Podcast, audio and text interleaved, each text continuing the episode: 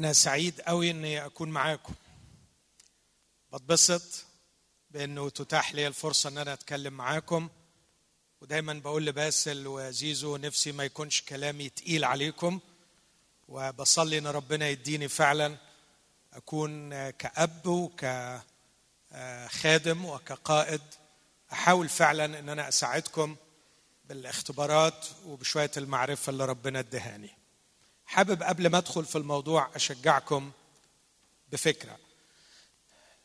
فكرة ببساطة إنه أنا أعرف ناس كتير قوي كانوا بيحضروا اجتماعات زي كده وكانوا بيبقوا قاعدين بين الناس ولأني كنت صاحبهم كنت بعرف قد إيه هم محطمين مستعبدين تعبانين.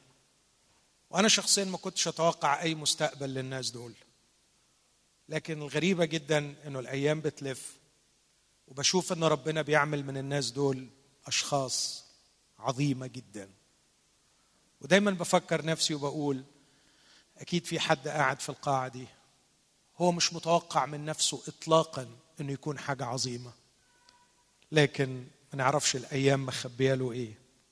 وما نعرفش الرب يقدر يعمل في حياته إيه. قد إيه الشخص ممكن يصدق في ده ويثق في ده؟ أعتقد إن الكتاب المقدس الكثير قصص بلا حصر عن أشخاص كانوا محطمين نفسيا من عائلات مكسورة. واحد منهم كان عبد هربان اسمه أنسيموس. أكيد جسمه متبهدل ونفسيته متبهدلة. وما عندوش ظروف لأنه عبد. مفيش أقصى من كده. لكن الشخص ده بقي خادم عظيم للمسيح. فنفسي إنك تصدق. صدق إنك مشروع شخص عظيم. أنت مشروع شخص عظيم. المشروع ده صحيح في مشاريع بتفشل لكن كمان في مشاريع بتنجح. فصدق وخلي عندك الرجاء والإيمان إنك تكون مشروع ناجح مشروع شخص عظيم. أمين؟ أنا مش عايز آخد الوقت وأحكي عن نفسي. قد إيه أنا كنت في وقت من الأوقات محطم. ضايع بلا أمل بلا رجاء. قد إيه كنت شاعر إنه ما فيش حل غير الانتحار لكن قد إيه الرب حول حياتي وخلاني فرحان وخلاني ناجح وخلاني نافع ومخليني بشتاق أكتر إني أنجح أكتر وأنفع أكتر. وأنا بصلي إن كل واحد فيكم يكون عنده الثقة والرجاء والإيمان ده. آمين؟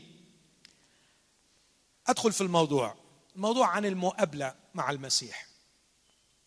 والكلمة اللي جات لي أولا عايز أهني تاني لجنة البرنامج. الحقيقة الكلام اللي بيجي لي عن الموضوع المطلوب ودي من الحاجات اللي أشجعكم بيها. أنتوا عندكم فرص متاحة ليكم أكتر جدا من اللي كانت بتتاح لينا. عندكم كنيسة وعندكم قادة وعندكم ناس بيفكروا. لما بقرأ البرنامج والمواضيع المطلوبة بقول فعلا أنا لو قعدت أخطط وأحلم. باجتماع شباب يتقدم له إيه؟ مش هحلم بأكتر من الكلام اللي مكتوب. فالحقيقة لجنة البرنامج بتعمل يعني أحلى شغل. آخر مرة بعتوا لي برنامج قلت لهم لو أنا بدرس في الجامعة هكلف الطلبة بكل عنوان من العناوين دي ويطلع كتاب رائع في النهاية. لأنه فعلا في تفكير كبير. مشكلة فينا إحنا الخدام يمكن ما بنقدرش ما نقدرش نحقق اللي أنتوا طالبينه لكن بشجعكم عندكم ناس بتصلي لكم وبتفكر من أجلكم وعندكم كنيسة مفتوحة. كم الأنشطة اللي متاحة ليكم؟ فأعتقد إنك عندك الفرصة إنك تكون شخص عظيم.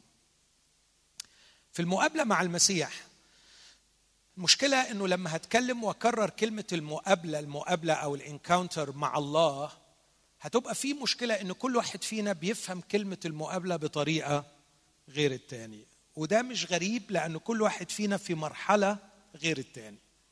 فخليني مثلا أحكي لك حاجة من حياتي أنا الشخصية استمرت معايا لمدة يمكن أربع سنين. لأني من أسرة مسيحية فكنت لازم أحضر النهضات الكرازية. مش بس بحضرها علشان أهلي بيقولوا لي لازم تروح. ما كانش عندنا تسلية كتير في الوقت ده إلا إن إحنا نروح الكنيسة يعني. فكانت واحدة من ضمن التسليات. وكنت أسمع الخدام والكلام ده كان في السبعينات فكانوا الخدام كلهم حماسيين قوي فكانوا يتكلموا كتير عن النار وكانوا يتكلموا كتير عن الخلاص. وأنا فعلا فعلا في كل مرة كنت أخاف وأنفعل وأتأثر وأسلم حياتي للمسيح. وأعتبر إن دي مقابلة. وكنت بقعد بعديها هي ونصيبها بقى. مرات أسبوع مرات أسبوعين لغاية أول وقعة. وأول ما بقع أول وقعة بأحبط تماما من نفسي وأعتبر إن المقابلة دي باظت. وأعيش على أمل إنه المرة الجاية إن شاء الله تكون المقابلة أقوى وأحسن. لغاية ما تكرر معايا الموضوع ده ولا مئة مرة.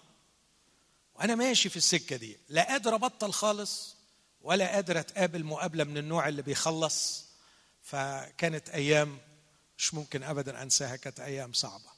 لغاية ما وقعت مرة في واحد وحكيت له حكايتي وقلت له أنا اتقابلت مع المسيح لغاية دلوقتي ولا 100 مرة ولا مقابلة فيهم ظبطت الدنيا يعني. ففكر فكر فكر وبعدين قال لي ما جراش حاجة خليها 101 يعني ما خسرناش. فطبعا أحبطني جدا وخلاني خدت بعضي وطلعت وما رجعتش تاني. وبعدت قوي لغاية ما ربنا تقابل معايا بطريقة تاني وأنا قاعد لوحدي في بيتنا. اللي عايز أقوله من القصة دي اوعى تحبط. لو كانت مقابلتك مع ربنا اتكررت وفشلت ربنا مقدر كل شعور جواك دفعك ناحية ربنا. سواء الشعور ده كان انفعال حلو مش وحش. الشعور ده خوف حلو. الشعور ده اقتناع وفكر استنار بركة. ما تقلقش وما تفشلش. اللقاء مع الله أمر جدير بالتعب والاستمرار والاجتهاد. فكر أكيد في حاجة غلط ويمكن الحاجة الغلط اللي مخلياك ما تتقابلش المقابلة الصح بتاخد وقت على ما تتكشف وعلى ما تقدر تتخلص منها. وعلى ما تقدر فعلا تتهيأ للقاء الصحيح مع الله. طبعا من الناحيه الثانية ممكن واحد يقول طب وليه ربنا ما يعملش المعجزة ويخلصني من الغلب ده؟ صح ممكن قوي. بس أحيانا بتكون البروسيس العملية نفسها اللي خدت لها سنتين ثلاثة دي أو أربع سنين هي اللي بتخلي المقابلة نفسها فعالة بعد كده. بتكون في السنتين ثلاثة دول اتبهدلت انف إنك لما تتقابل بتشبط في ربنا وبتمسك فيه. مرة قلت العبارة دي البحث عن الحق رحلة. أهم من إنك تلاقي الحق نفسه. ليه؟ لأنك ممكن تلاقي الحق بس ذهنك تعبان. ذهنك مش قوي. فحتى لما يشوف الحق ما يعرفوش أو ما يعرفش يمسك بيه. لكن لما الرحلة دي بتطول وبتصارع وبتغلط وبتفكر وبتحتار الذهن بينضف وبيتشد ولما يلاقي الحق يميزه ولما يميزه يعرف يمسك بيه. فأنا عايزك ما تفشلش بداية. إذا كانت المقابلة تكررت وفشلت أنت في رحلة وحتما الرحلة ستتمخض عن شيء ستلد شيء حقيقي. وجميل فأرجوك ما تحبطش أمين؟ إيه ده؟ ده محدش موافق خالص ابقوا مرة كده زورونا الصبح هنا لما أسأل وأقول أمين الناس كلها ترد وتقول أمين وإلا أعتبرهم نايمين فأنتوا أرجوكم لما أقول أمين تقولوا لي إذا كنت موافق يعني إذا كنت موافق أنا هتكلم عن المقابلة مع الله. أكمل الكلام اللي قاله وسيم المرة اللي فاتت ببعض الأفكار السريعة. هقول أفكار كده سريعة بس تركزوا معايا فيها. غرض مقابلتك مع الله هيحدد نتيجة المقابلة. فكر في الفكرة دي معايا. أنت عايز تقبل ربنا ليه؟ عايز تلتقي بيه. ليه؟ فكر كده. ما هو مش معقول تكون عايز تقابل ربنا علشان يعني مثلا تصبح عليه يعني أو علشان هو يا حرام تعبان ومحتاج إن أنت تتقابل معاه. لكن أكيد أنت عايز حاجة. إيه غرضك من اللقاء مع الله؟ خد لحظة فكر فيها. أنا عايز مقابلة مع ربنا ليه؟ معرفش هتجاوب إزاي بس هأكد لك إن الغرض بتاع المقابلة هو اللي هيحدد نوعية المقابلة وهو اللي هيحدد المقابلة دي هتنجح ولا هتفشل. خلوني أحكي لكم حكاية من الكتاب المقدس توضح اللي أنا عايز أقوله. بني إسرائيل كلنا عارفين قصتهم أعظم وأروع قصة خلاص في التاريخ ترمز وتشير إلى قصة خلاصنا نحن في المسيح. شعب مذلول من فرعون شعب محطوط تحت قهر رهيب مش لاقي ياكل أطفالهم بتترمي في النهر وبيصرخوا لربنا وبيقولوا له شق السماء وخلينا نشوفك وتعالى خلصنا. وفي يوم من الأيام الرب ظهر لموسى وقال له موسى اسمع العبارة دي من فضلك في سفر الخروج أصحاح ثلاثة. شاف العليقة قرب من العليقة المشتعلة لقي ربنا بيقول له أنا سمعت صوت صراخ شعبي ورأيت مذلتهم وعلمت أوجاعهم ونزلت لأخلصهم. هلم فأرسلك إلى فرعون لتخرج شعبي من أرض مصر. راح موسى لم شيوخ الشعب في إسرائيل بعد حوار طويل مع ربنا. وقال لهم عندي ليكم أروع خبر. الرب ظهر لي وقال لي إن أنا مبعوث منه وهو هيعمل معايا آيات وعجائب. هيضرب بيها أرض مصر عشان يخلصكم ويخرجكم ويأتي بكم إلى أرض فيها حرية وفيها خير أرض تفيض لبنا وعسل. الناس لما سمعوا خروا وسجدوا وشكروا الرب اللي نظر إليهم وسمع صراخهم والكلام تم والقصة طلعت حقيقية وابتدى موسى يصنع الآيات والعجائب في أرض مصر وابتدى الشعب يشوف بعينيه ربنا. مش معقول مش معقول اللي كان بيحصل. ما فيش شخص مهما كان قلبه صخر ما يقرش إن الله حي إن الله موجود إن الله يمكن الالتقاء به والتلامس معه. تخيل ظلام على كل أرض مصر بنو إسرائيل لهم نور في مساكنهم. حيوانات تموت حيواناتهم هم تفضل عايشة. قصص عشر ضربات رأوا فيها الله بشكل رهيب. لكن كان لسه باقي كمان إنهم يتقابلوا مع الله في شيء شخصي جدا. لما ربنا شق أمامهم البحر وعداهم في المية كأنهم ماشيين على اليابس. وأنا يتهيألي كل شخص عاش الخبرة دي فضلت محفورة جواه لا يمكن إنها تتنسي. أنا مرة كنت بوعظ على الموضوع ده. ووصفته بالشكل الآتي هوصفه لكم وبعدين كان معايا خادم لطيف فراح عمل تجربة علشان يمتحن صحة الفكرة بتاعتي أحكيها لكم. أنا تصوري لما بقرأ الكتاب في سفر الخروج أصحاح 14 إن ربنا وجه عاصفة رهيبة جدا ضربت بحر سوف في النص بقوة غير عادية وكانت ريح شمالية باردة جدا فشقت المية الريح شقت المية ومن شدة برودة الريح المية اتجمدت. فبقي سور تلج على اليمين وسور تلج على الشمال والأرض في النص يابسة. عشان كده يقول تجمدت اللجج في قلب البحر. بعدين بنو إسرائيل قبل ما يدخلوا كان قدامهم عمود نار.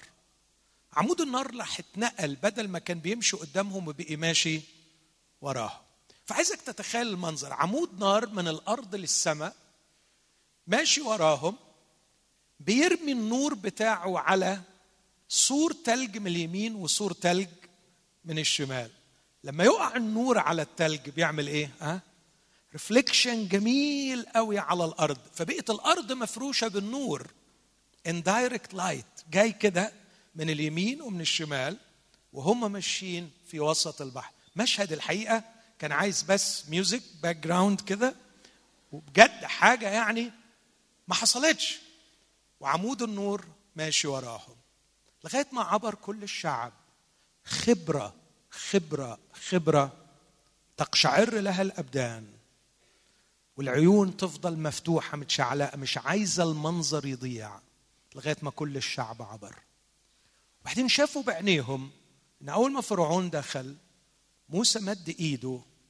فجأة فجأة التلج ساح والمية رجعت تاني وغرق كل الأعداء. الشعب ما قدرش غير إنه ينفجر مسبحا. وابتدوا على شاطئ البحر يرنموا أقوى ترنيمة وأول ترنيمة سجلت في الكتاب المقدس. الرب رجل الحرب الرب اسمه. الفرس وراكبه ترحما في البحر غاصوا كالرصاص في مياه غامرة. ابتدوا يتكلموا عن العدو قد إيه كانت العدو بقوة رهيبة لكن نفخة الرب لما شافوا الريح دي سموها نفخة الرب نفخة الرب تبيده. إزاي الرب عمل هذه المعجزة العظيمة؟ محدش يقدر ينكر إن ده كان لقاء حي رائع مع الله. بس القصة كمالتها مؤلمة شوية. إن الناس دول كلهم سقطت جثثهم في البرية. ولم يدخل منهم غير اثنين أرض الموعد. وهذا اللقاء الاختباري المرعب مع الله لم يغير قلوبهم. وعشر مرات في رحلتهم تذمروا على الله وجربوا الله. وأكثر من مرة يقولوا نقيم رئيسا ونرجع إلى مصر وأكثر من مرة كانوا عايزين يرفعوا حجارة ويرجموا موسى وهارون. والسؤال يا شباب لماذا لم يغير هذا اللقاء هذه المقابلة الرائعة مع الله؟ لماذا لم تغير قلوب هؤلاء الناس؟ لقد أبهرت عيونهم لقد أذهلت عقولهم لقد حركت مشاعرهم لقد أثارت انفعالهم لكنها لم تغير قلوبهم. السؤال هل نحن نبحث عن مقابلة تبهرنا؟ هل نحن نبحث عن مقابلة تحمسنا؟ هل نحن نبحث عن مقابلة مع الله تجعلنا في حالة من الدهشة والإعجاب الشديد؟ أم أننا نبحث عن مقابلة مع الله تغيرنا؟ غرض المقابلة سيحدد نتيجتها. الحقيقة كان ربنا بيقابلهم علشان عنده غرض بس هم كان عندهم غرض تاني. مش عايزكم تنسوا الكلمتين اللي هقولهم دول. ربنا لما طلعهم من أرض مصر قال لموسى بص أنا عايزكم تبنوا لي مسكن وأسكن معاكم. والحاجة الثانية عايزكم تبقوا أجنادي تتمموا مشيئتي في أرض كنعان. الله أرادهم له مسكنا وجندا. عايزهم بيته وعايزهم رجالته جنوده. لكن هم كانوا عايزين اللقاء يؤدي إلى راحتهم. وأنا يعني بتضرع وأتوسل إلى كل واحد فينا. لقاء مع الله شيء عظيم. لكن حاول تفكر أنت ليه عايز تلتقي بالله. أكيد قصد الرب يريحك بس مش هو ده الغرض كله. لكن الرب يريد أن يلتقي بيك علشان يبقى في علاقة بينك وبينه وتبقى رحلة نمشي العمر كله مع بعض. فيها تتحول إلى صديق. يسكن فيك وأنت فيه. يقول لموسى خليهم يعملوا لي مسكن. عايز أعيش معاكم يا موسى. عايز أسكن وسطكم. لكن كمان عايزهم يبقوا جنود الرب. تسموا كده أجناد الرب. علشان يعرفوا رغباتي ويتمموها. هندخل أرض كنعان هنلاقي مذابح للوثن عايزهم يهدوها. هيلاقوا أنصاب وسواري وعبادة وثنية عايزهم يحطموها. عايزهم يبقوا رجالتي اللي يصنعوا مشيئتي. لكن ما تخيل كأنهم بيقولوا لا إحنا ما اتفقناش على كده. إحنا تبعناك وقبلنا اللقاء بيك عشان نطلع من الغلب اللي إحنا كنا فيه. لكن مش معناها إن إحنا نبقى مع بعض طول الوقت وتسكن فينا وإحنا نبقى معاك وبعدين نبقى رجالتك ونحارب حروبك ونعيش ليك. لا لا لا كده المسألة زادت عن حدها. لقد فشل أو فشلت أعظم مقابلة بين الرب وبين شعب إسرائيل. لأن الرب كان ليه غرض الاستمرارية في علاقة وأن يكونوا أجناد الرب الذين ينفذوا مشيئته. لكن هم كان عندهم غرض تاني انهم مجرد يرتاحوا من الغلب اللي هم كانوا فيه. وأنت إذا التقيت بالرب على غرض غير إنك تكون لي بالكامل أنا أعتقد إن المقابلة مش هتكمل. بس ما تفشلش. إذا ما كملتش هتلف بيك الأيام وهتتخبط كتير وبعدين هترجع تاني وهتدور على الرب وتقول له يا ريت يا رب أتقابل أنا وأنت وأدخل معاك في علاقة وأعيش معاك. واضحة الفكرة دي؟ غرض اللقاء غرض المقابلة هو اللي هيحدد طبيعتها استمراريتها نجاحها أو فشلها. الامر الثاني اللي أحب أشير إليه. وسيم كلمكم عن إنه إحنا شخصيات مختلفة. وبما إننا شخصيات مختلفة ممكن ربنا يتقابل معانا بطرق مختلفة. بس الطرق كلها لازمة لكن ممكن في مرحلة ربنا يركز على طريقة في مرحلة تانية يركز على طريقة تانية طبقا لنوع الشخصية. الكلام ده حقيقي جدا ومهم. وأعتقد إنه أشار إلى ثلاث طرق الطريقة الأولى الاستنارة الفكرية الناس اللي بيفكروا بيدوروا على أجوبة لأسئلتهم. الطريقة الثانية الاختبار الواقعي إني أشوف حاجة تحركني أشوف فعل الرب معي كمان إن ربنا يستخدمني. أنا بنصحك إنك ما تتربسش على طريقة معينة. وتدي ربنا الفرصة إنه يلتقي بيك بطريقة هو شايف إن أنت محتاج إليها. ما تحدش اللقاء بربنا في سكة واحدة. أنا أحكي لكم حكاية بسيطة حصلت معايا. أنا متعود في بيتنا بدخل مكتبي وبقفل الباب على نفسي وبفتح كتابي المقدس على كرسي معين وبقعد أفتح الكتاب ونفسي ربنا يتكلم معايا. والحقيقة ما اخبيش عليكم حصلت مئات المرات. إن ربنا يكشف لي حاجات أتكلم معاه كتاب ينور قدامي تجي لي فكرة أسعد جدا. من كتر الانفعال مرات كنت بابا مش حامل نفسي وأطلع أفتح الباب وأمشي في الشقة فرحان جدا من روعة الاستنارة اللي ربنا بيديهاني بس في فترة من الفترات قفلت وما فيش الكلام ده. ففاكر في وقت كنت زعلان جدا ومقموص منه. وبكلمه وبقول له بعدين يعني. أنا قاعد دلوقتي ليا قد كده وقت وما فيش أي حاجة. طب أعمل إيه يعني؟ حرام اللي أنا فيه ده ولا ليا مدة على الوضع ده وكل يوم باجي وما فيش حاجة. لا أدعي إني سمعت صوت مسموع لكن أعتقد هي دي الفكرة اللي كادت تكون كصوت في داخلي. لغاية إمتى؟ لغاية إمتى هتفضل عايز تشوفني في الأوضة دي؟ قوم شوفني في وشوش الناس التعبانه قوم قابلني في وشوش الناس التعبانه كانت بالنسبة لي فكرة جديدة تماما. عمري ما فكرت فيها وأكاد أجزم لم تكن فكرة مني لكن كانت فكرة من روح الله. على الفور خدت بعضي ونزلت أنا ساكن في اسكندرية قريب من الكورنيش. وكان صيف الكورنيش بيبقى زحمة جدا. بدأت أتمشى على الكورنيش وأبص في وشوش الناس. وروح الله يكشف لي المعاناة والألم في كل وجه. وأبدأ أصلي لهذا الشخص. أصلي لهذه الفتاة. أصلي لهذه المرأة. أصلي لبياع الترمس. أصلي للراجل البياع. أصلي لبتاع الشاي اللي بيتشاجر مع واحد. خدت كورنيش رايح جاي ساعات. أصلي وأصلي. اؤكد ليكم كانت واحدة من أروع اللقاءات مع الله. شفت الله.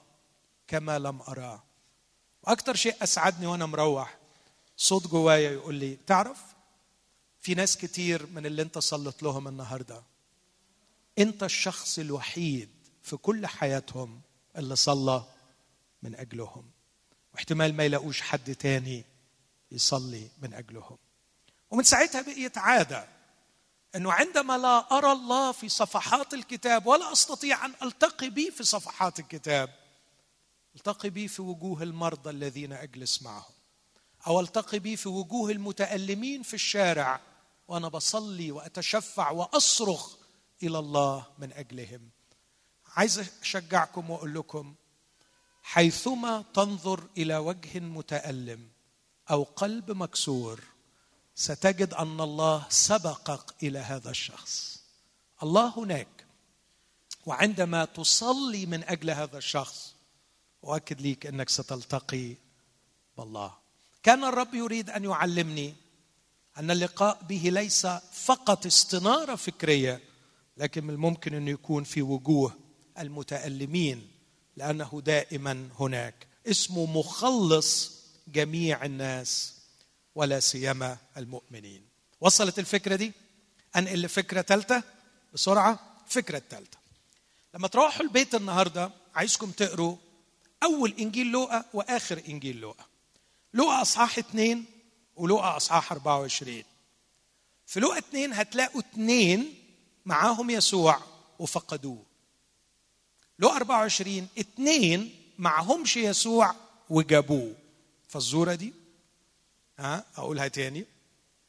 اتنين كان معاهم يسوع مقابلينه قاعدين معاه في علاقة حميمة معه كان معاهم يسوع لكنهم فقدوه. وفي آخر الإنجيل في اتنين ما كانش معاهم يسوع لكن جابوه. حد عارف القصتين دول؟ اتفضل يا زيزو. اتفضل. بابا ومامته. وتلميذها عمواس المطوبة العذراء مريم. ومعها يوسف. أخذوا الطفل يسوع. كان عنده 12 سنة وذهبوا به إلى الهيكل في العيد. وأكيد كان عيد جميل. كلهم اتبسطوا بالعيد ويسوع معهم. لكن فجأة بعد ما راحوا الهيكل ما نعرفش إزاي وإيه اللي حصل خدوا بعضهم ورجعوا وهم مقتنعين إن يسوع معاهم. لكن بعد مسيرة يوم كامل اكتشفوا انهم فقدوه ولم يجدوه وابتدوا يسألوا عنه هنا وهناك بين الرفقة بين الأقارب بين المعارف فلم يجدوه. وأخيرا بعد ما كانوا قربوا يوصلوا بيتهم رجعوا تاني إلى أورشليم. في اليوم الثالث وجدوه جالسا بين الشيوخ يسمعهم ويسألهم ويناقش وكل الذين سمعوه بهتوا من فهمه ومن أجوبتهم. القصة الثانية اثنين ماشيين عابسين بعد قيامة يسوع. غالبا واحد ومراته. ماشيين عمالين يتطارحان في الطريق بخصوص يسوع وقيامة يسوع وموت يسوع ومحتارين. كتاب يقول وبينما هما ماشيان عابسين اقترب إليهما يسوع نفسه وكان يمشي معهما وهم ما عرفوهوش. يسوع قرب منهم ومشي معهم وهم ما كانوش عارفينه. أنا كتير قوي بصلي الصلوة دي. يا رب زي ما عملت مع تلميذي عمواس اعمل معايا. اقترب إليهما يسوع نفسه وكان يمشي معهما. تعال قرب مني تعال امشي معايا. لكن هنا أسأل سؤالين. أو هو سؤال واحد لي شقين ليه الاثنين الأولانيين فقدوه؟ وإزاي الاثنين الأخرانيين عرفوا يجيبوه؟ الاثنين الأولانيين فقدوه لأنهم اسمعوني انحصروا في طقوس العيد. انحصروا في طقوس وروتين العيد. نفذوا كل شيء بحسب المرسوم. وبحسب المرسوم يقول كده الكتاب عنهم ولما تمموا كل شيء رجعوا. بس يسوع ما كانش بيتقيد بطقوس معينة تتعمل لكن كان مستمتعا أن يكون فيما لأبيه. لما راحت له بعد كده العذراء مريم بتقول له لماذا فعلت بنا هكذا؟ قال لها ألم تعلم أنه ينبغي أن أكون فيما لأبي؟ مرات بنخنق نفسنا ونحرم روحنا من المقابلة معاه لأننا رسمنا شوارع محددة وطرق محددة طقسناها سستمناها قدسناها وتصورنا إنه بعيد عنها مستحيل. نقابله. هي دي الطريقة. غير كده مستحيل نقابله. راحوا تمموا كل شيء في العيد. خلص العيد خدوا بعضيهم ومشوا. يسوع كان مندمج في حوار رائع جدا كتابي. عشان كده أنصحك أنك حتى وإن كنت داخل نظام ركز على يسوع. واتبع يسوع وليس النظام. إذا في نظام حلو النظام. كويس النظام. لكن وانت جوه النظام خلي عينك على يسوع. مش عينك على نظام في أشخاص هنعمل اللي مطلوب مننا مطلوب مننا واحد اثنين ثلاثة هنعملهم. إن شاء الله هنتقابل معاه. وللأسف بيعملوا كل شيء حسب المرسوم. ومش بس لا يلتقوا بيسوع لكن أحيانا يفقدوا يسوع. كن حرا في أن تتبع يسوع وأن تجعل مكان لقائك بيسوع. هو تركيزك عليه ومشغوليتك به وليس سيستم معين تتبعه. من يتبعون النظام في النهاية يتبعون النظام ويخسرون يسوع. مش ضد النظام لكن ما تركزش على النظام. جوه النظام ركز على يسوع. كان معاهم صاحب العيد نفسه كانوا مشغولين بالعيد ونسيوا صاحب العيد. الشخص الذي ينبغي أن يحتفل به. يعني تقول لي عايز أطبق الكلام ده عليه. آه ممكن قوي. يعني ممكن اجتماع زي كده. اجتماع حلو. وهو أنت بتستناه من الأسبوع للأسبوع. لكن يكون تركيزك كله في الاجتماع على الترانيم مشت إزاي وعلى الوعظة كانت إيه وتبدأ تفكر في هذا الإطار وتشوف الأمور دي وتركز عليها وفي النهاية لا تلتقي بيسوع. أنا من الممكن وغالبا ده على الأرجح سألتقي بيسوع من خلال الترانيم ومن خلال الخدمة ومن خلال شركتي مع أصحابي وأصدقائي في الاجتماع. لكن ممكن أركز على الحاجات دي كلها وما أقابلش يسوع. ينبغي أن أركز على صاحب العيد وليس على العيد نفسه. الناحية الثانية التلميذين الأخرانيين تلميذي عمواس أنا أعتقد إن السر اللي خلى يسوع يقترب إليهما ويمشي معهما إنهم كانوا واخدين الموضوع very serious. كانوا واخدينه بجدية شديدة جدا. صحيح معلوماتهم مش مظبوطة بس كانوا مغمومين. عشان كده يسوع لما قرب منهم قال لهم ما هذا الكلام الذي تتطرحان به وأنتما ماشيان؟ عابسين. قالوا له مغمومين مش لاقيين يسوع. أنا أؤكد ليك إذا كنت فعلا بتحبه وعايزه حقيقة لما هتقعد مع أصحابك أعتقد ان هو ده هيبقى الموضوع اللي شغلك هو ده اللي هتحكي فيه. طب ليه أنا مش شايفه؟ طب إيه الضعف؟ طب إيه الغلط؟ طب أعمل إيه؟ طب أتصرف إزاي؟ وأؤكد ليك وأنت مهموم بالموضوع لأنك واخده بجدية. أنا متأكد إن يسوع هيقرب وهيظهر نفسه ليك. لما ما بناخدش الحياة بجدية ده أكتر شيء بيضيع مننا لقاء يسوع.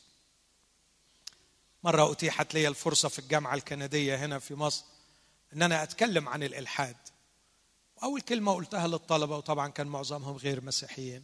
قلت لهم أنا ما بحبش أقسم الناس مؤمنين وملحدين لكن بحب أقسم الناس نوعين. في اللي بياخدوا الحياة بجدية وفي اللي بياخدوها باستهتار. وقلت لهم أنا شفت مؤمنين مستهترين وشفت ملحدين جادين. وأؤكد ليكم أن الملحد الجاد أفضل عندي جدا من المؤمن المستهتر. وأنا أحب أقولها لكم بكل قلبي. أعطني ملحدا جادا. أتنبأ له بمستقبل عظيم. وأعطني مؤمنا مستهتر أتنبأ له بمستقبل كارثي كبير. خذ الحياة بجدية ستلتقي بيسوع. واضحة الفكرة دي؟ أنا قلت دلوقتي ثلاث أفكار. ناقصة فكرة رابعة وبعدين أشارككم ببعض الخطوات العملية. تعمل إيه من النهارده؟ الفكرة الرابعة عايزك تحفظها معايا عشان نفكر فيها مع بعض. الحق. أسمى شيء في الحياة هو الحق. الحق في الكتاب المقدس شيء يعمل وشيء يعرف وشخص يقبل. أقول تاني الحق في المسيحية شيء يعمل وشيء يعرف. خلينا نقول فكر يعرف وشخص يقبل. يبقى كم حاجة؟ ثلاثة حاجة تتعمل فكر يتفهم وشخص يتقبل. إحنا الموضوع بتاعنا النهارده عن المقابلة مع يسوع. بتتكلم عن أنهي واحدة في الثلاثه دول؟ نمرة؟ ثلاثة برافو. هقول لكم الثلاث آيات وبعدين أقول إيه العلاقة بينهم. الآية الأولى في يوحنا ثلاثة يسوع بيقول من يعمل الحق من يعمل الحق يأتي إلى النور لكي تظهر أعماله أنها بالله معمولة. لا يخشى النور. لكن من يفعل السيئات لا يأتي إلى النور. يحب الضلمه لأنه يخاف ان النور يكشف حقيقته. فيسوع بيقول كلمة غريبة بيقول من يعمل الحق فالحق شيء يعمل. يسوع في يوحنا 8 بيقول تعرفون الحق والحق يحرركم. هنا مش الحق حاجة بتتعمل لكن حاجة تتعرف. في يوحنا 14 يسوع بيقول أنا هو الطريق والحق والحياة. ليس أحد يأتي إلى الآب إلا بي. والثلاثه يا شباب ما تقدرش تفصلهم عن بعض ابدا. وخليني أأكد لك من كل قلبي. لو عملت الحق وبحثت عن معرفة الحق حتما هتلتقي بالحق. وإذا كنت ما بتعملش الحق مش عايز تعرف الحق حتى لو يسوع واقف قدامك عمرك ما هتتقابل معاه. خليني أأكد لك الفكرة دي. في يوم من الأيام بيلاطس جات له فرصة عمره. تخيلوا بيلاطس لقي مين واقف قدامه؟ يسوع. الله واقف قدامه. وبعدين هو فعلا كان خايف بيلاطس كان خايف. وبعدين في المناقشات مع اليهود قالوا له ده لازم يموت. قال لهم ليه؟ قالوا له أصل ده بيقول إنه ابن الله. فازداد خوفا ابتدى يخاف أكتر. يعني جاله خبر إن الراجل ده ممكن يكون ابن الله. ده حد مش طبيعي ده حاجة كبيرة قوي. فازداد خوفا ودخل وساله وقال له أنت مين؟ أنت انت وضعك إيه بالظبط؟ وابتدى يستقصي تاني عن شخص يسوع. يسوع مرات كان بيرد على سؤاله بسؤال. فواحد من أهم الأسئلة قال له وانت ملك؟ قال له أنت تقول إني ملك. لهذا ولدت أنا لكي أشهد للحق. اسمع العبارة دي. وكل من هو من الحق يسمع صوتي. تعرف يا بلاطس؟ انت لو من الحق كنت عرفت أنا مين. خاف بيلاطس وراح رد عليه رد سخيف وقال له وما هو الحق؟ هو حد عارف فين الحق؟ وطلع يجري خد بعضه وطلع بره عند اليهود واقترح عليهم اغبى اقتراح يعملوا حب إنه هو يضر شفقتهم عليه فقال لهم أجلده لكم ونطلقه. علشان يعني حرام إنه هو يتصلب. ودي واحدة من الأخطاء القاتلة إنك ما تعملش كل الشر تعمل نص شر فتعمل شر ونص. يعني تعمل حدق إنك مش هتعمل كل الشر فتقول أعمل إيه ها؟ أه؟ نص شر تنتهي بيك القضية إنك عامل شر ونص. فأنا مش اصلبه هجلده. انتهت القصة. إن جلدوا وصلبوا لأنه هرب من مواجهة. أنت بتعمل الحق يا بيلاطس؟ انت عارف كويس قوي انك ما بتعملش الحق. انت عارف كويس قوي ان الراجل ده بار. بس انت خوفا من اليهود. عايز تشوف لك حل وسط. انت غير أمين. انت كذاب. انت مراوغ. انت مش أمين. تعرف الكتاب يقول عنه إذ كان يريد أن يعمل لليهود ما يرضيهم. بيلاطس خليك أمين مع نفسك. انت مش عايز تعمل الحق. انت عايز تعمل لليهود ما يرضيهم عشان تحافظ على منصبك.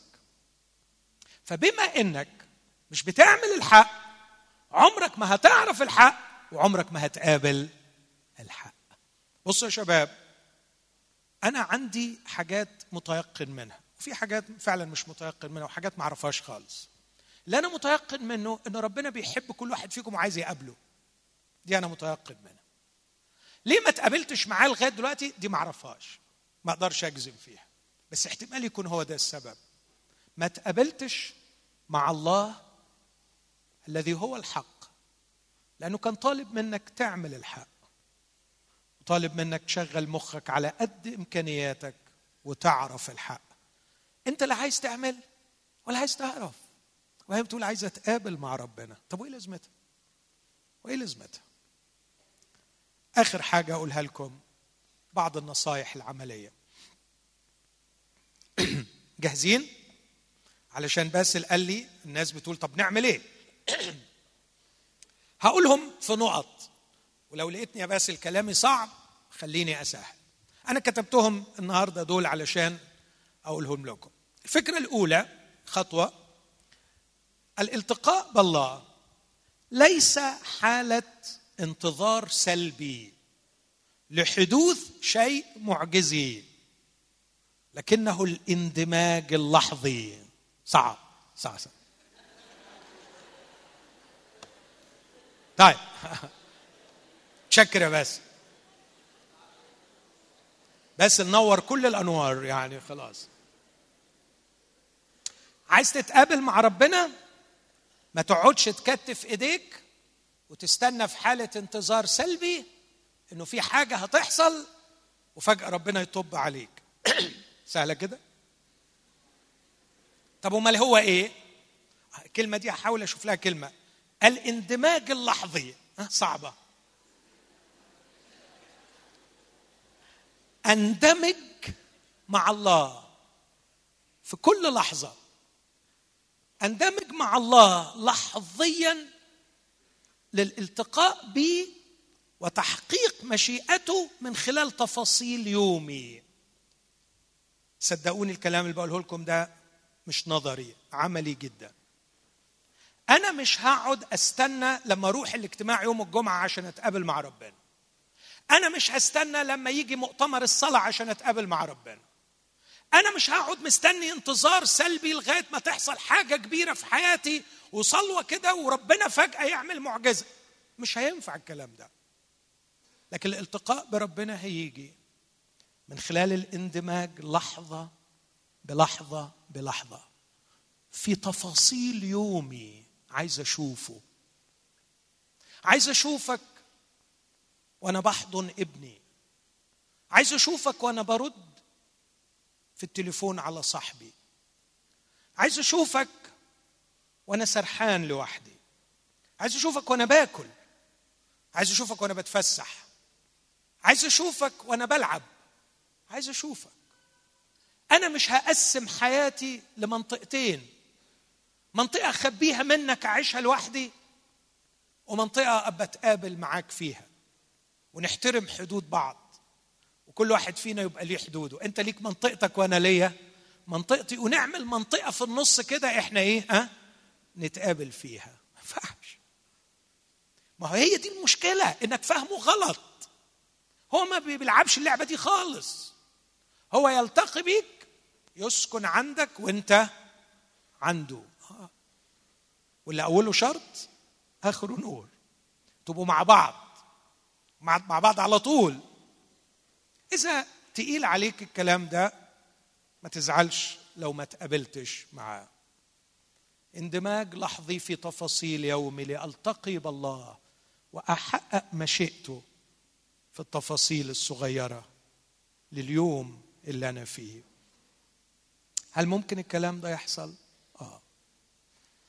كنت دايما أقول لأولادي أوعوا تفكروا إن ربنا جه يسوع المسيح عشان يعمل لنا ممارسات مسيحية.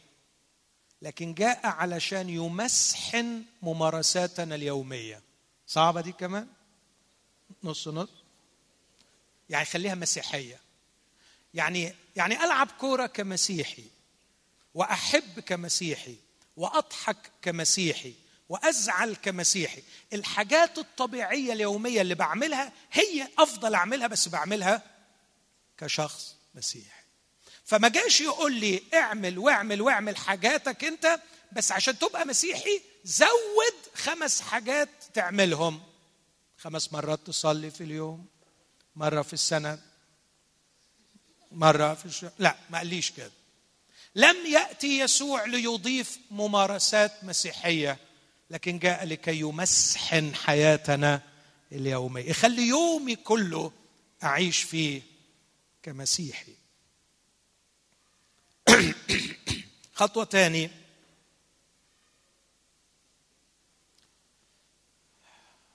حول الحوار الداخلي الذي لا يتوقف إلى حوار مع الله. الإنسان في حالة حوار دائم. 85% منه حوار مع نفسه. دي معلومة علمية. تاني؟ الإنسان اللي هو أنت في حالة حوار دائم. 85% منه مع نفسه. يعني إحنا طول الوقت في حالة حوار. ولما بلاقيش حد نتحاور معاه متحاور مع نفسك ما ظبطتش نفسك بتكلم نفسك ابدا. حتى في سرك كلم نفسنا في سرنا اقتراحي لكي تلتقي مع الله. لا توقف حواراتك الداخلية لكن حول حواراتك الداخلية إلى حديث مع الله. نفس الحاجات هي هي اللي بتفكر فيها. هي هي اللي عمال تاخد والولد ده عاملني بطريقة غبية.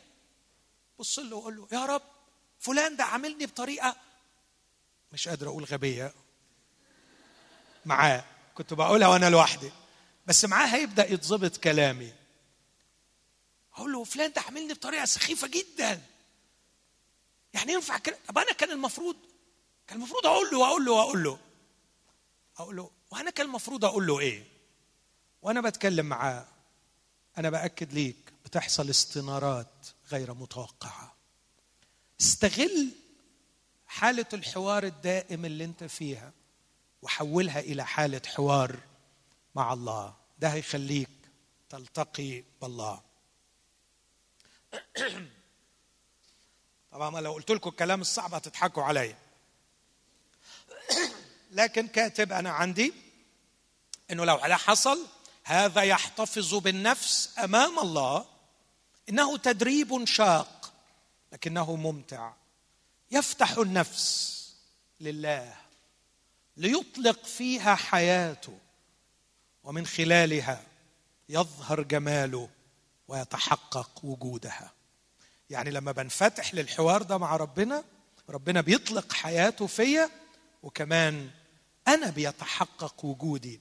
ودي حاجة هيجي يوم تدوروا عليها. نفسي أحس بوجودي. هتحس بوجودك لما ربنا يحقق مشيئته من خلالك في هذه الحياة. الخطوة الثالثة. ركز معايا.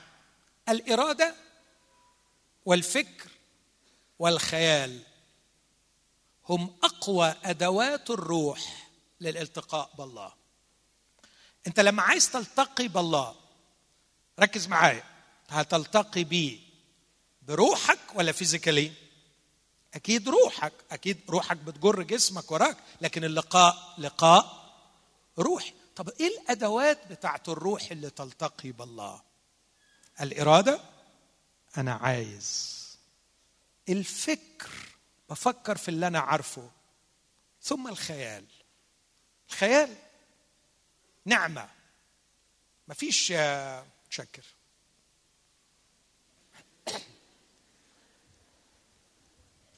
مفيش أي دراسة بتقول إن الحيوانات عندها قدرة على التخيل. لكن الإنسان عنده نعمة التخيل. وأنا أشجعك إنك تتخيل. تخيل. أنا مرات كثيره ألاقي روحي لما أبدأ أصلي أحب كده أتكلم مع الرب في البداية أقول له يا رجل بئر سخار.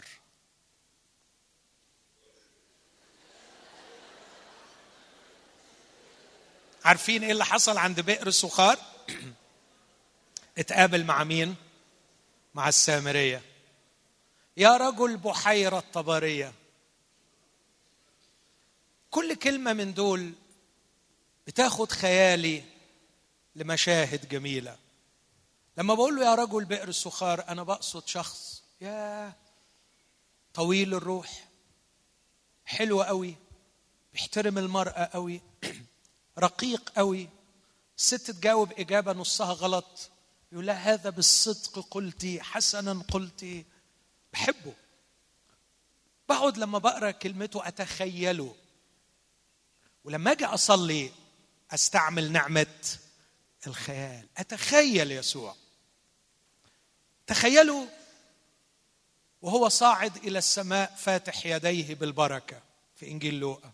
يقول وفيما هو يباركهم انفرد وصعد إلى السماء. فبتخيلوا إن لسه لغاية دلوقتي عامل إيه؟ ها؟ رافع إيديه بالبركه أقول له إيدك لسه ما نزلتش. وأنت فاتح إيدك عايز تباركني. ده خيال. خيال. لكن الخيال نعمة من نعم الرب أعطاها لنا. فعندي إرادة بها أصر أن ألتقي به وعندي فكر أفكر فيه لكن الفكر يظل جامدا بدون الخيال. الفكر يحتاج للخيال. والرب يدينا إن إحنا نتخيل ونتخيل. لكن الفكر والخيال ركز معايا. يحتاجوا إلى إطار علشان ما نشطحش. والإطار بتاعنا هو كلمة الله. علشان ما تخيلش أي تخيل غلط وما فكرش أي فكرة غلط أحتاج لدرس الكتاب. أحتاج أتعلم. وكل ما أتعلم أكتر كل ما هتبقى عندي فرصة أتخيل أكتر وأفكر أكتر وعندي كمان حماية من إني أفكر غلط وأتخيل غلط. الإرادة والفكر والخيال هم أهم أدوات الروح للالتقاء بالله. النقطه الرابعة قراءة الكلمة المقدسة وفهمها وحفظها وترديدها هي المادة الخام التي يعمل الروح عليها روح الله لكي يجعلني ألتقي بالله. أنا بحب أعمل التجربة دي مرة مرات كتيرة عملتها. ركز معايا كده. وأنت قاعد قدام الرب وبتقول عن يسوع الكلام اللي جه في كلوسي واحد مثلا ابتداء من عدد 14 الذي لنا فيه الفداء بدمه غفران الخطايا. الذي هو صورة الله غير المنظور. بكر كل خليقة. فإنه فيه خلق الكل. ما في السماوات وما على الأرض. ما يرى وما لا يرى.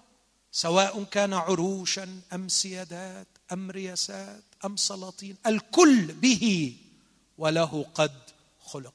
لو أنت حافظ النص ده الذي هو قبل كل شيء وفيه يقوم الكل. وأنت عمال تردد الكلمات دي وأنت في المواصلات. وانت في العربية وانت قاعد حتى في مكان لوحدك. اؤكد ليك أن حفظ كلمة الله وترديدها يجعلك تلتقي بالله. الفكرة الخامسة اللقاء بالله داخل الجسد الواحد يجعله أعمق وأقوى كما أنه يدعم الجسد ويزيد من وحدته. بمعنى إنه احرص على اللقاءات الجماعية. اللقاءات الجماعية في غاية الأهمية لأنه بنقدر نلتقي بالله أكثر من خلال التقائنا بالله في إخواتنا. بشوف الله في إخواتي وإخواتي بيشوفوا الله فيا. فأوعى باستهتار تعطل علاقتك بإخواتك. آخر فكرتين. أطرد كل شيء يمنع هذا اللقاء. اميتوا أعضاءكم التي على الأرض. أي رغبة شريرة أي فكرة نجسة كن حازما. كن صارما في طرد الأفكار اللي تعطل اللقاء. أنا أكاد أجزم. مرات كتير يسوع خلاص بيبقى قرب منك قرب منك وبعدين جات لك الفكرة الشريرة وانت ابتديت تو انترتين تمشي معاها تمشي معاها.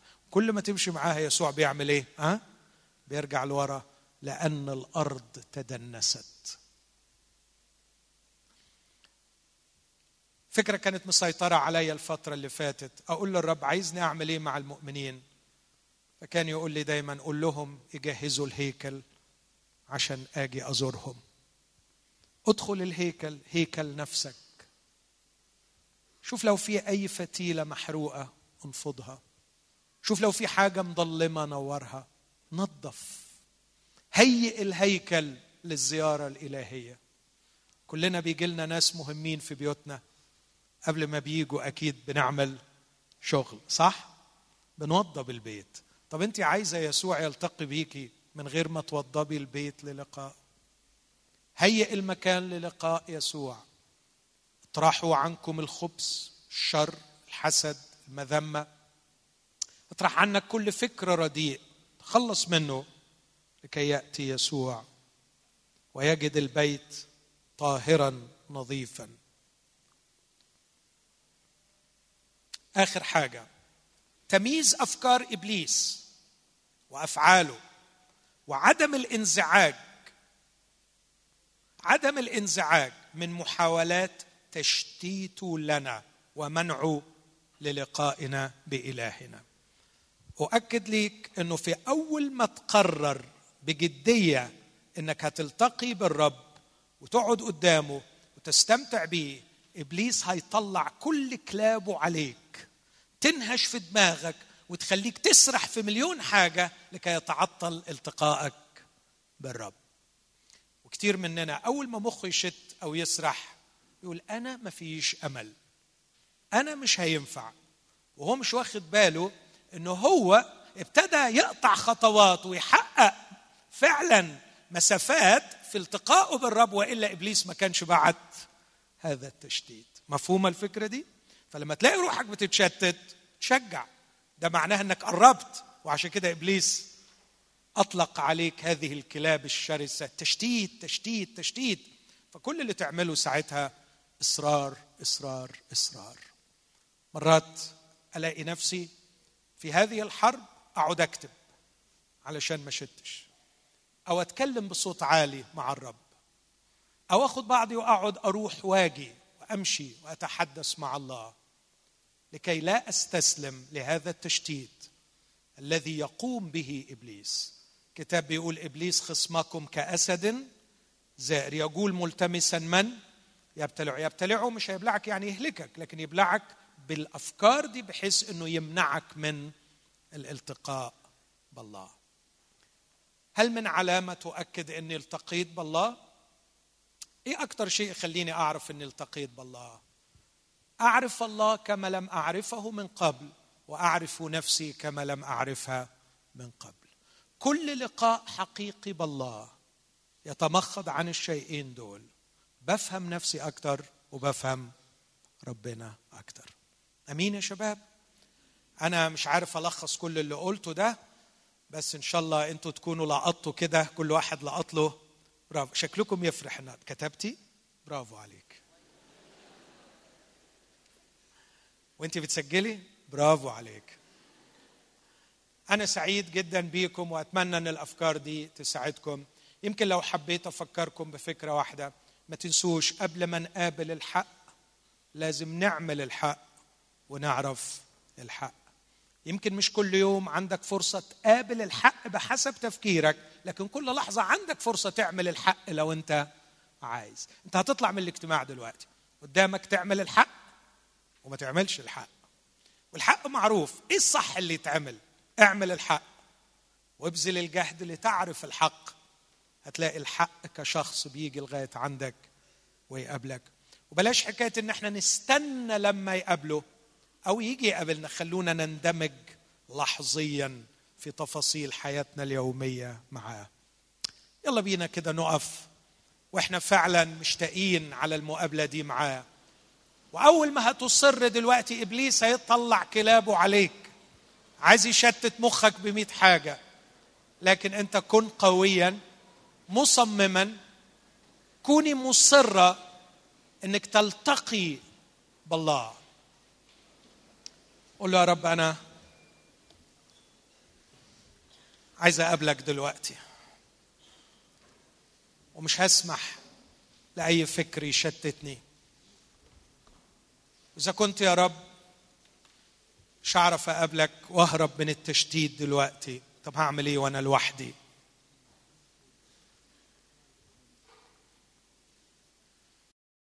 بحبك يا يسوع.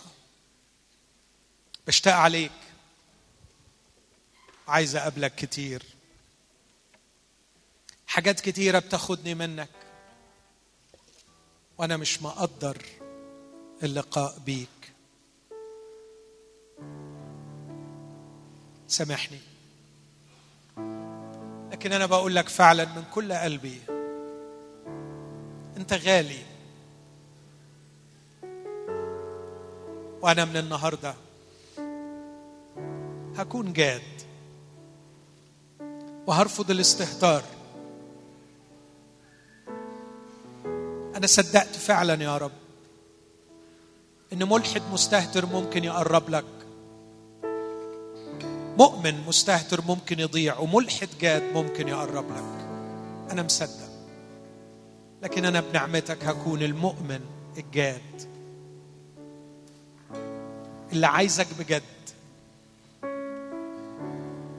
أنا بحبك. خدني في حضنك خليني أعرفك وأشوفك وقبلك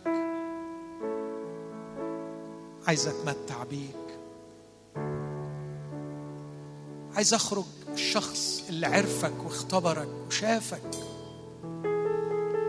وأكبر معاك كل يوم. وأحمل حضورك منين ما أروح. واشركك في تفاصيل يومي الصغيره والكبيره نتقابل في كل حاجة بعملها. تحب معايا وترفض معايا. ما اعملش حاجة بدونك من وراك. مفيش مستخبي عليك. حابب أبقى صاحبك خليلك حبيبك.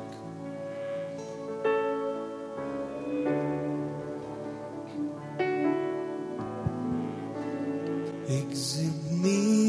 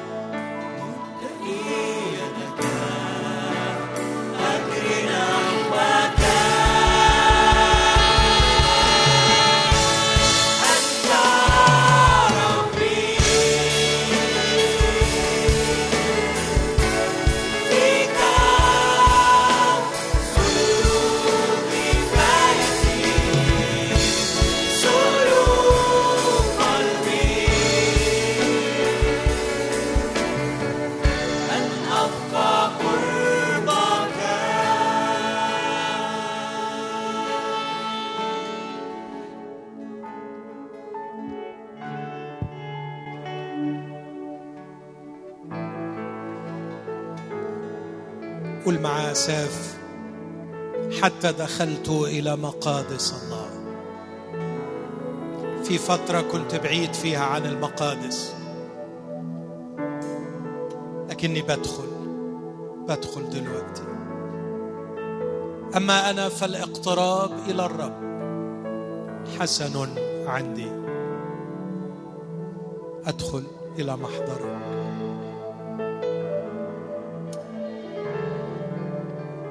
أثق في دم مسفوك من أجل يغفر خطاياي. أثق إن في قلب كبير يحبني يرحب بي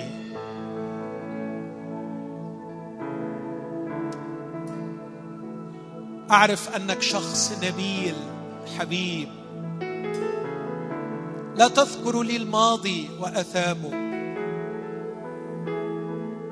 تحب أن تغفر. تحب أن تغفر. اغفر خطاياي. وخذ بيدي. أقمني يا رب من سقطتي. يعود يرحمنا. يعود يرحمنا. يدوس أثامنا.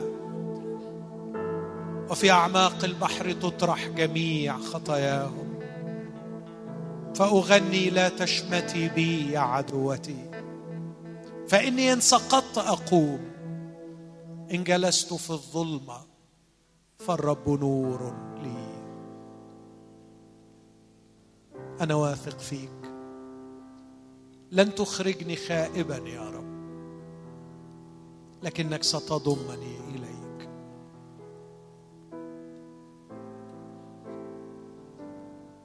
ارفع قلبك وارفعي قلبك.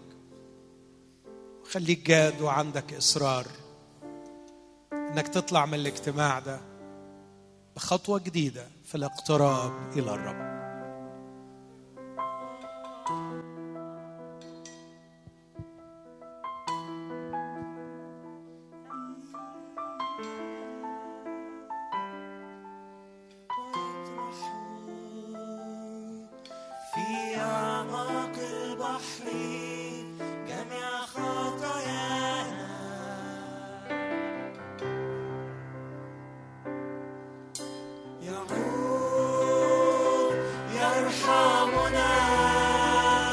يرحمني يرحمني. اثامي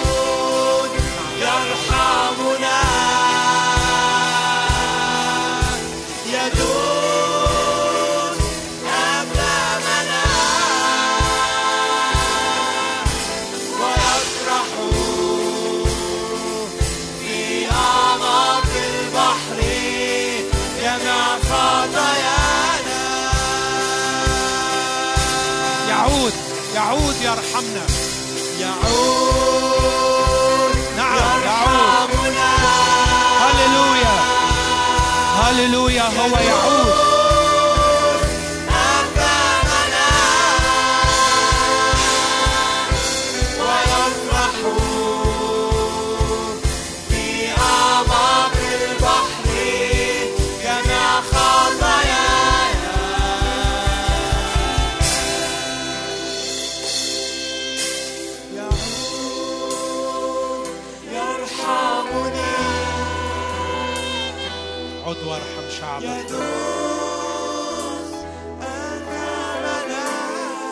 عد إلينا يا رب. عد إلينا يا رب. وارجعنا إليك يا رب.